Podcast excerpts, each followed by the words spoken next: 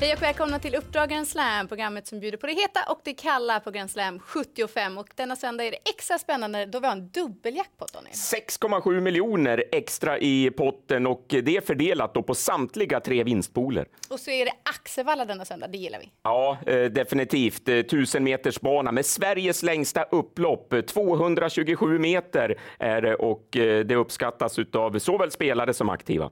Och en annan som kan ge oss mer tankar om banan är hemmatränaren Thomas Dahlborg. Hur tycker du att Axevallas travbana, Thomas, skiljer sig från andra travbanor i Sverige? Nej, men vi har ju det längsta upploppet och det är, det är lite annorlunda att köra. Ofta kan du köra mer passivt och, och få luckan i sista sväng, för många är ute tidigt i spåren och det blir långt hem. Man, man lurar sig lite och kör för tidigt helt enkelt. Eh, och sen har du väl andra chansen att du kan komma på det långa upploppet, men det, det är svårare än man tror. Sista sväng är ganska snäv, så att, eh, du får inte så mycket fart med dig. Du som kör där mycket, märker du stor skillnad? Vad säger du?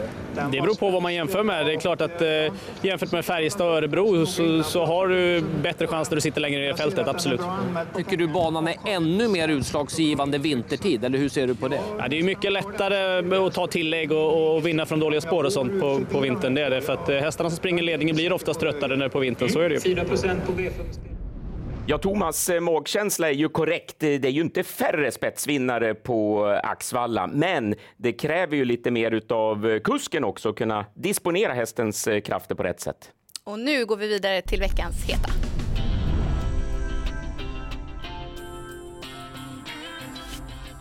Vi börjar i den andra avdelningen som känns väldigt öppen på förhand. Och här har jag en varning i nummer ett, Embrace My Dream, som inte är att lita på, har en hel del galopper i bagaget. Men hon var klart positiv senast som tvåa på Färjestad, trots att hon fick göra lite jobb längs vägen. Visade då att distansen inte är något minus och felfri tror jag att hon är redo att vinna sitt första lopp hittills i karriären.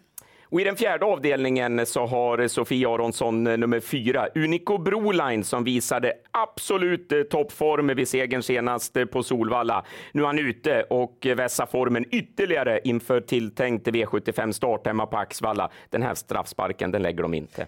Och går vi till den femte avdelningen så har nummer ett Dolce AF höjt sig rejält på slutet och är under väldigt fin utveckling. Var läcker vid segern på Färjestad näst senast och fick göra jobbet utvändigt om ledaren som fyra på Solvalla. Så formen är intakt. Spåret tror jag inte att hon kan utnyttja, men hittar hon ut och är med på målfotot. Mm. Och en som också visar fin utvecklingskurva, det är nummer 11, Oscar Run i avslutningen.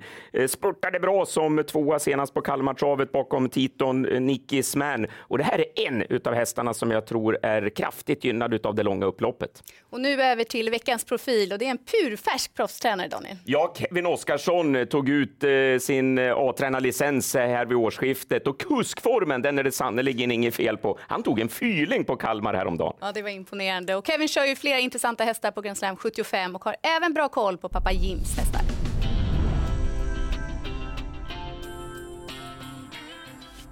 Grand Slam, eh, Kevin. Du kör några spännande hästar. Vi kan börja med Funky Style nummer 6 i avdelning 2 som du var trea med senast. Vad tyckte du då?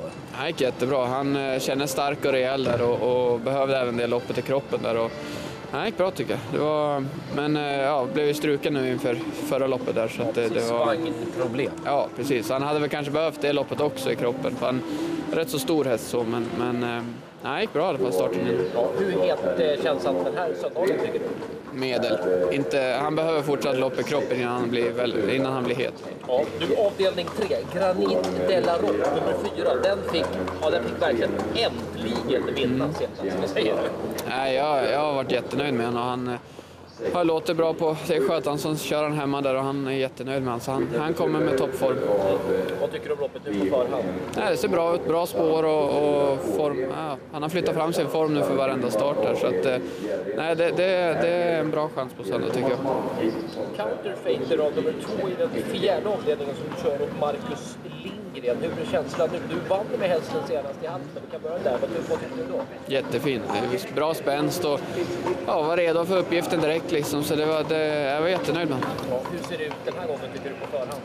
Eh, det är väl ungefär lite likadant. Det är några bra hästar mot, men jag har fått ett bra spår och, och eh, Axvallas upplopp är fördel för Counterfighter för han, han, går hela vägen in där. Så att, eh, men det är ungefär som sist. Några bra hästar, men bra form. Ja. Eh, avdelning 6, hur är feelingen med 14 La Paradetta i det här loppet? Mm, jag tycker det blev lite fel spår för henne. Hon, eh, det är svårt där med springspår från, från 20 där och, och ja, liksom komma till. Hon behöver gå på innerspår liksom för att tycka att det, det är roligt. Som, som de vann näst sist där, då, då fick hon gå på innerspår och lucka och det, det är sådana lopp hon gillar. Ja, eh, vad tror du nu, blir det jobbigt eller vad är känslan? Ja, det, ja, det är ett långskott där.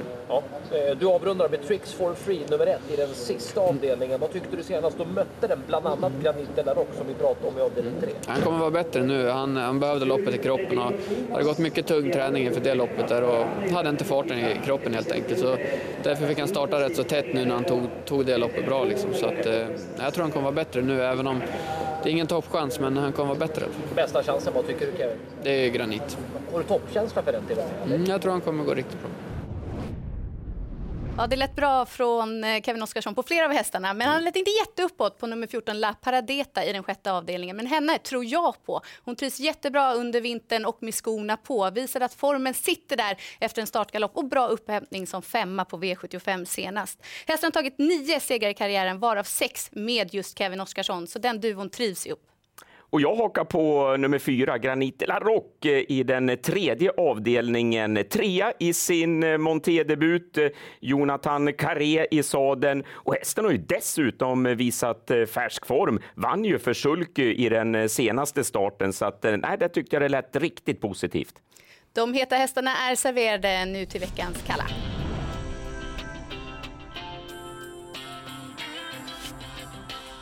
Vi börjar i den första avdelningen med nummer fem, Amor Bello, som har fyra lopp i kroppen, har goda möjligheter att nå ledningen. Men jag tycker inte att hon har övertygat tillräckligt mycket för att vara en favorit som jag tror på. Och I den sjätte avdelningen eh, så är jag orolig för nummer tre, Rio Lucas, som tappade stilen på V75 så sent som i lördags och eh, galopperade då på upploppet. Han är dessutom väldigt långsam ut när det handlar om voltstart, så att jag tror han tappar mycket mark direkt i inledningen. Dags att runda av programmet och när det är 6,7 miljoner extra i potten då vill man ha en bra spik Daniel. Ja, och jag tycker bästa spiken är nummer fyra Unico Broline i den fjärde avdelningen. Och jag tycker bästa draget är nummer ett Embrace My Dream i den andra avdelningen. Och sen går det ingen förbi, eh, definitivt inte alla Frankrike-älskare, att det är Prix d'Amérique på söndag. Nej, så missa inte uppsnacket inför Prix d'Amérique och Grand Slam 75 denna söndag med start 13.00 på TV12.